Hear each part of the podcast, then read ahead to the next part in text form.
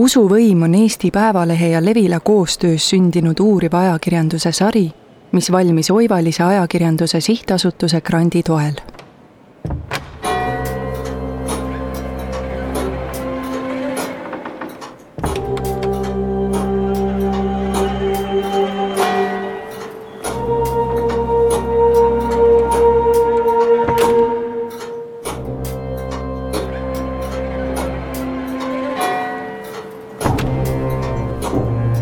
kuidas õigeusust sai Eesti popim religioon? sest see kirik tegi kõike vastupidi kui ELK. loo autorid Georgi Abolõmov, Eero Epner, Oliver Kund, Holger Roonemaa.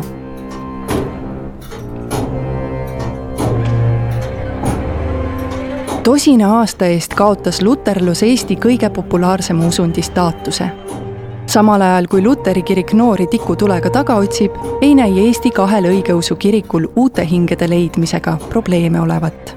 miks? kui Ljudmilla pidi hakkama tegema biokeemia eksamit, oli ta kindel, et kukub läbi. tal ei olnud piisavalt teadmisi või annet.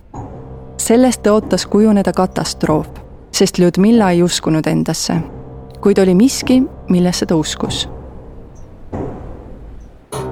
Läksin kirikusse, ütleb Ljudmilla. sest mõtlesin, et Jumal aitab mind mingil moel.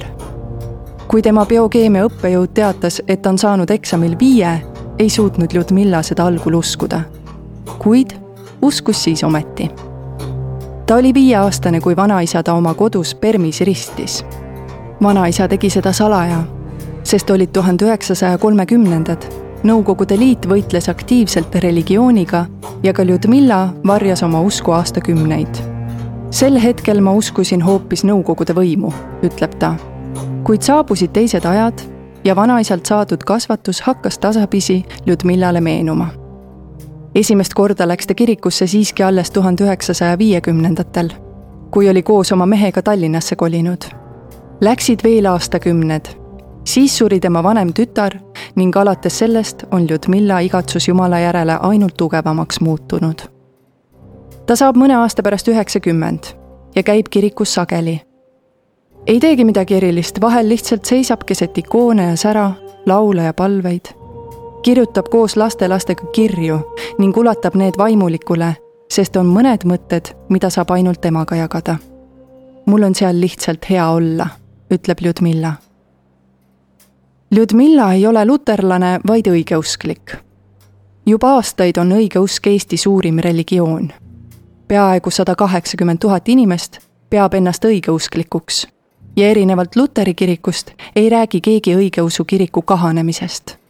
kuigi riigi toetus õigeusklikele on napp, nende lobitöö poliitikute seas peaaegu olematu, mitmed õigeusklike pühakojad lagunevad ning nende vaimulikud ei pea kõnesid vabariigi aastapäeval ega kirjuta arvamusartikleid portaalidesse, on õigeusu mõjukus märkimisväärne. Moskva patriarhaadi mõju kasvatamiseks on Kreml elavdanud kiriku tegevust oma naaberriikides, kirjutab näiteks kaitsepolitsei viimane aastaraamat. Kapo viitab nii Moskva kiriku ühele siinsele juhile, kes ütles, et teist maailmasõda tuleks käsitleda Putini moel kui ka kiriku esindajate korraldatud ajalookonverentsile, kus väideti, et Eesti on õigeusu iidne territoorium. Luteri kirik, mis kahaneb, soovib olla Eesti riigi üks alustala, ent õigeusu kirik, mis kasvab, on riigi jaoks üks julgeolekuohtudest.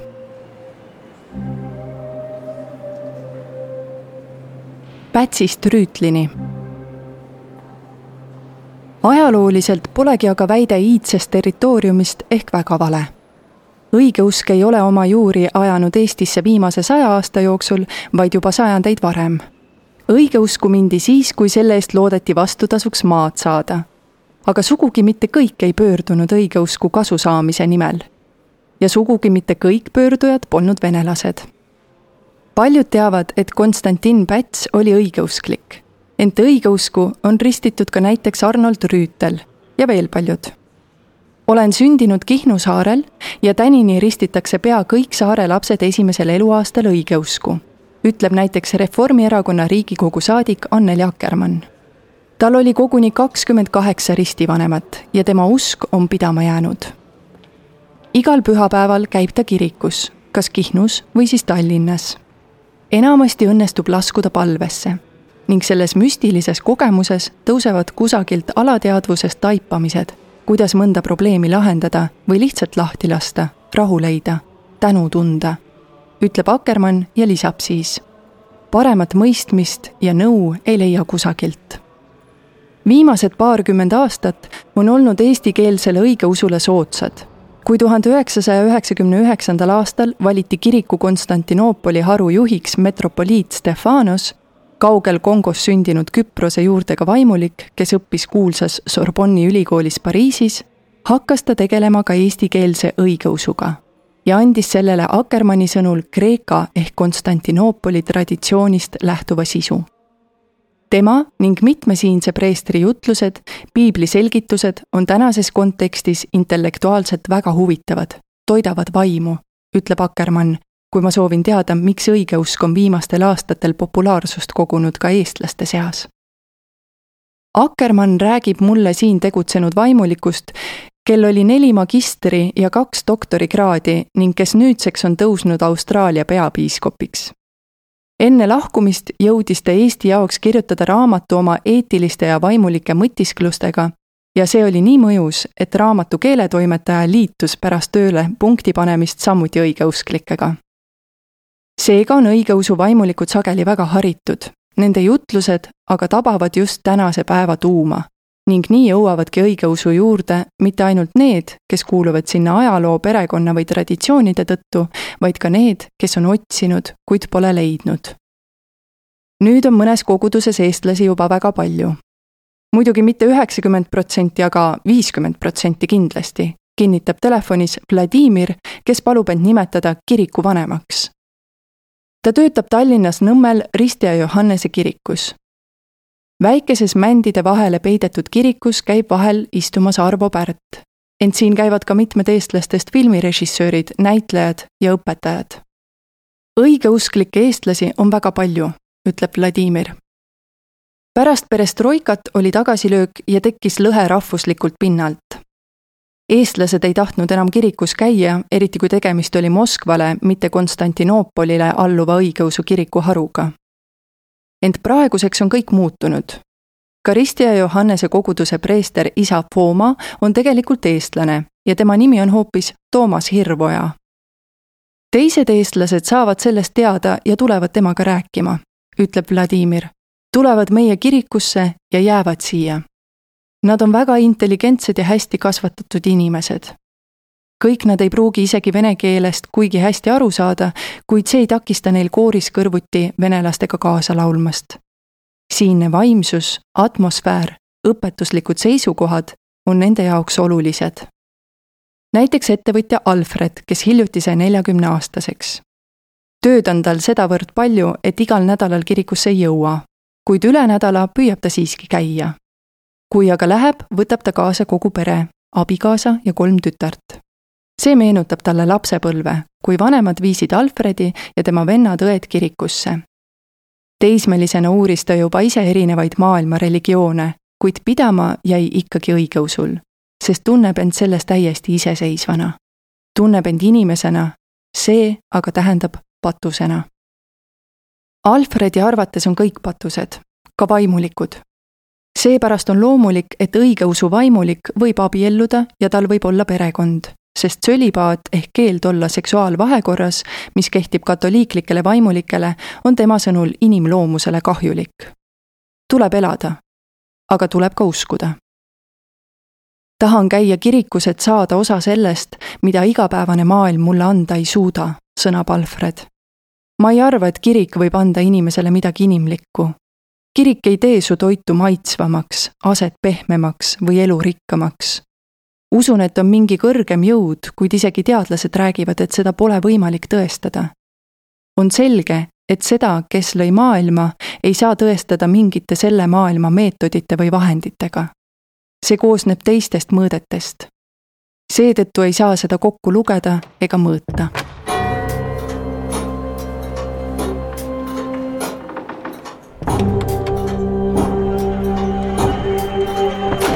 hoiavad järelkasvu. ent õigeusklike arvu siiski mõõdetakse. kui riik usundite tunnistamist viimasel kahel rahvaloendusel uuris, tuli ilmsiks maalihe, mis argielus vaevu välja paistab nimelt kukkus kahe tuhandenda ja kahe tuhande üheteistkümnenda aasta vahel drastiliselt kindlat usku tunnistavate eestlaste arv. saja kaheksakümne ühelt tuhandelt inimeselt saja neljakümne kuue tuhandele. Suurima kaotuse võttis seejuures vastu just Luteri kirik, mis jäi ilma neljakümne tuhandest eestlasest järgijast. põhjus on tõenäoliselt, et vanad, eestlastest luterlased, kadusid ja noori ei tulnud peale ütleb siseministeeriumi usuasjade osakonna nõunik Ringo Ringvee. samal ajal värbas õigeusk agressiivselt. Venelastest õigeusklike hulk tõusis kolmekümne tuhande ja eestlastest õigeusklike arv kahe tuhande võrra, mis lennutas konfessiooni hoobilt Eesti populaarseimaks kasvu võib seostada Venemaa intensiivse poliitilise propagandaga, sealhulgas kirikute ehitamine, mis seostab vene rahvuslikkust ja ühtekuuluvust õigeusuga analüüsis toona rahvastikuteadlane Ene-Margit Tiit. hääbumine on Luteri kirikut tabanud mujalgi. Näiteks endisel Ida-Saksamaal, mis on pannud küsima, kas järgijate kaotus on midagi luterlusel eriomast. eestlane on individualistlik ja luterlus seda individualismi kuidagi ei tauni. õigeusus ei jääda ootama, kunas lapsed kiriku ise avastavad, vaid suunatakse varem, pakub Ringvee. kuid see on vaid pool võrrandist teine osa on õigeusu kollektiivne iseloom, kus kuuluvus on sageli sisust tähtsam. Läinud kümnendil kaitsti Sisekaitseakadeemias magistritöö kolme Tallinna vene kooli õpilaste usukuuluvusest. umbes kuuskümmend protsenti neist nimetas end õigeusklikuks. kui aga küsiti, kas olete koguduse liige või käite kirikus, oli vastus valdavalt ei. sama näitab ka iga viie aasta tagant valmiv Eesti usuelu uuring kirikus käimine ei ole aktiivsem. see on nii õigeusus kui luterluses üsna ühesugune. Aga kui on küsimus, kes sa oled, siis sealt tuleb suur vahe sisse, kirjeldab Ringvee. kui räägime teistest rahvustest, siis seal tõenäoliselt mängib rahvuslik moment. oluline on öelda, et meie oleme need luterluse vaatepunktist on mõtlemapanev, et erinevalt neist suudavad noorte pealekasvu hoida nii siinne Moskva patriarhaadi Eesti õigeusu kirik kui ka pisike kahekümne seitsme tuhande liikmega Eesti Apostlik Õigeusu Kirik, mille peamised tugipunktid on vaid Setomaal ja Saaremaal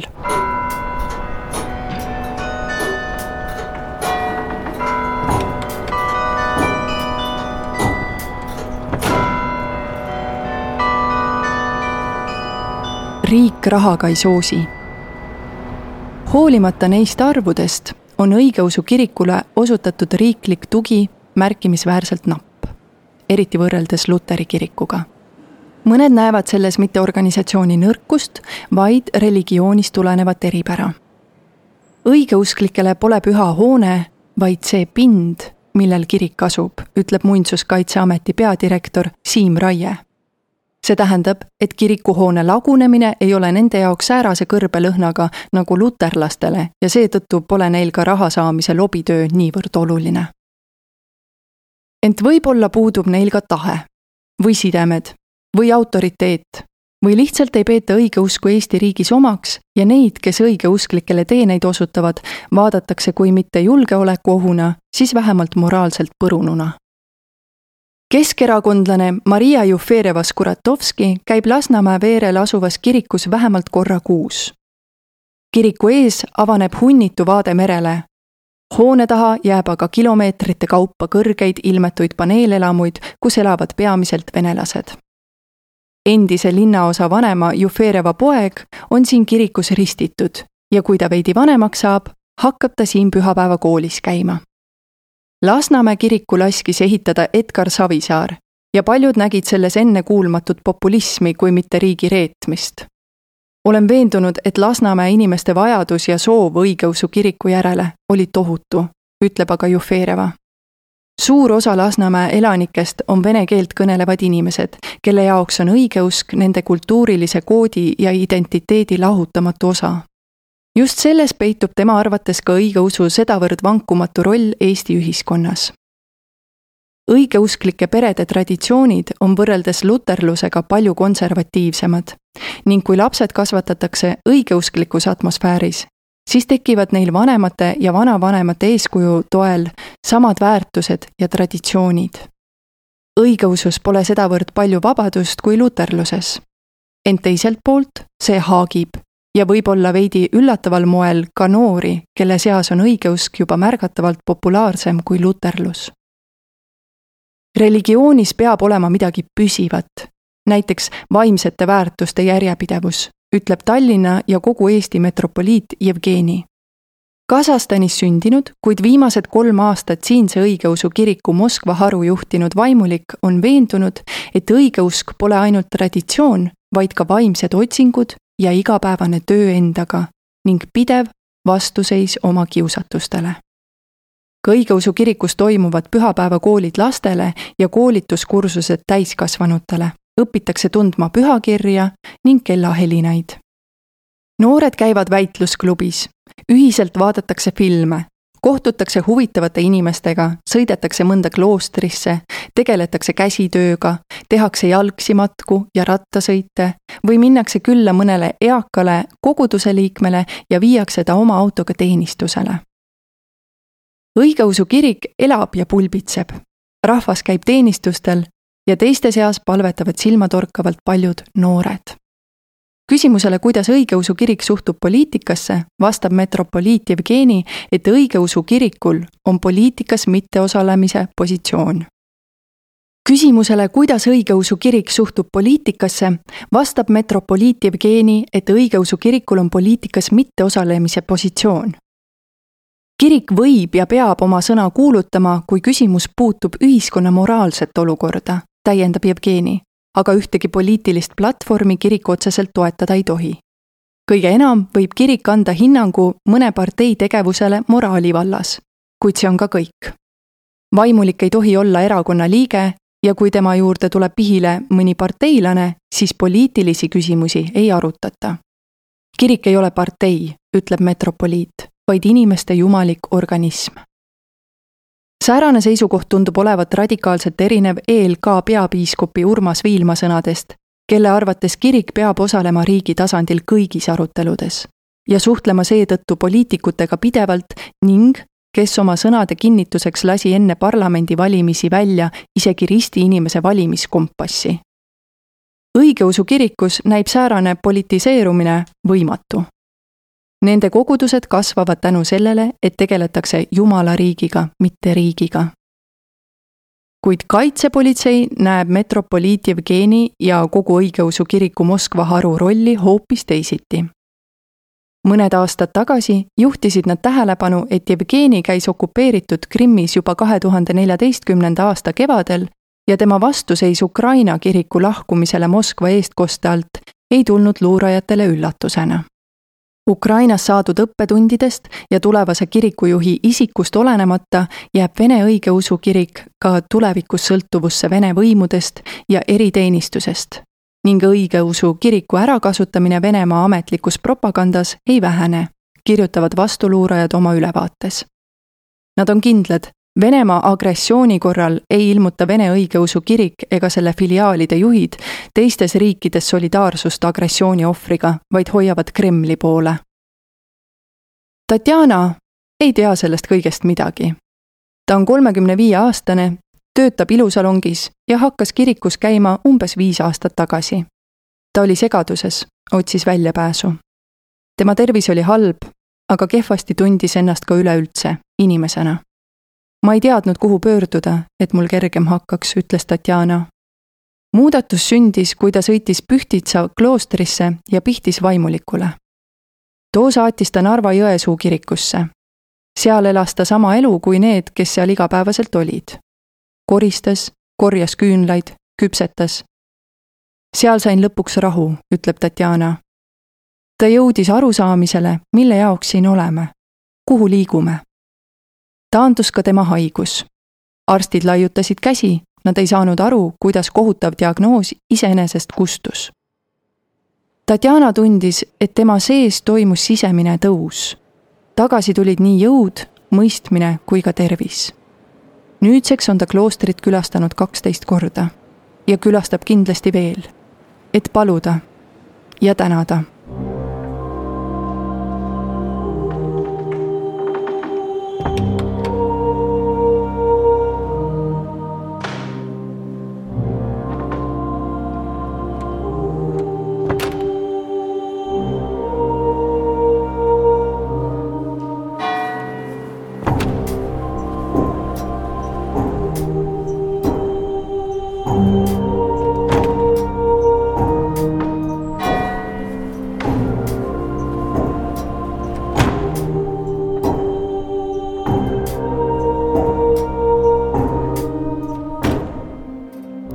kuidas õigeusk Eestisse jõudis?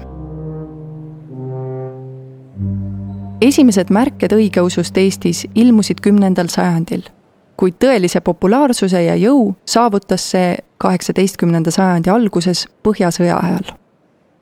pärast Peeter Esimese võitu rootslaste üle sai Eestist Vene impeeriumi ala. pisut hiljem, üheksateistkümnenda sajandi keskel, muutus eestlaste seas populaarseks vahetada oma usk õigeusu vastu nii lootis talurahvas maad saada. õigeusklike arvu kasv eestlaste seas tõi tuhande kaheksasaja viiekümnendal aastal kaasa õigeusu peapiiskopkonna avamise Riias. tuhande kaheksasaja üheksakümne esimesel aastal rajati Kuremäe külas Pühtitsa naisteklooster. tuhande kaheksasaja üheksakümne viiendal aastal ehitati Tallinnas viie aasta jooksul Aleksander Nevski katedraal pärast Eesti Vabariigi väljakuulutamist tuhande üheksasaja kaheksateistkümnendal aastal ei kadunud vene inimesed kuhugi ja koos nendega jäid siia ka nende kultuur ning traditsioonid, muidugi ka nende usk. varsti pärast Eesti iseseisvuse väljakuulutamist sai tuhande üheksasaja kahekümnendal aastal autonoomia Moskva patriarhaadi Eesti õigeusu kirik. õigeusk edestab praegu luterlust ja katoliiklust ning on meie riigi domineeriv konfessioon. kahe tuhande üheteistkümnenda aasta rahvaloenduse andmetel pidas end õigeusklikeks sada seitsekümmend kuus tuhat seitsesada seitsekümmend kolm inimest.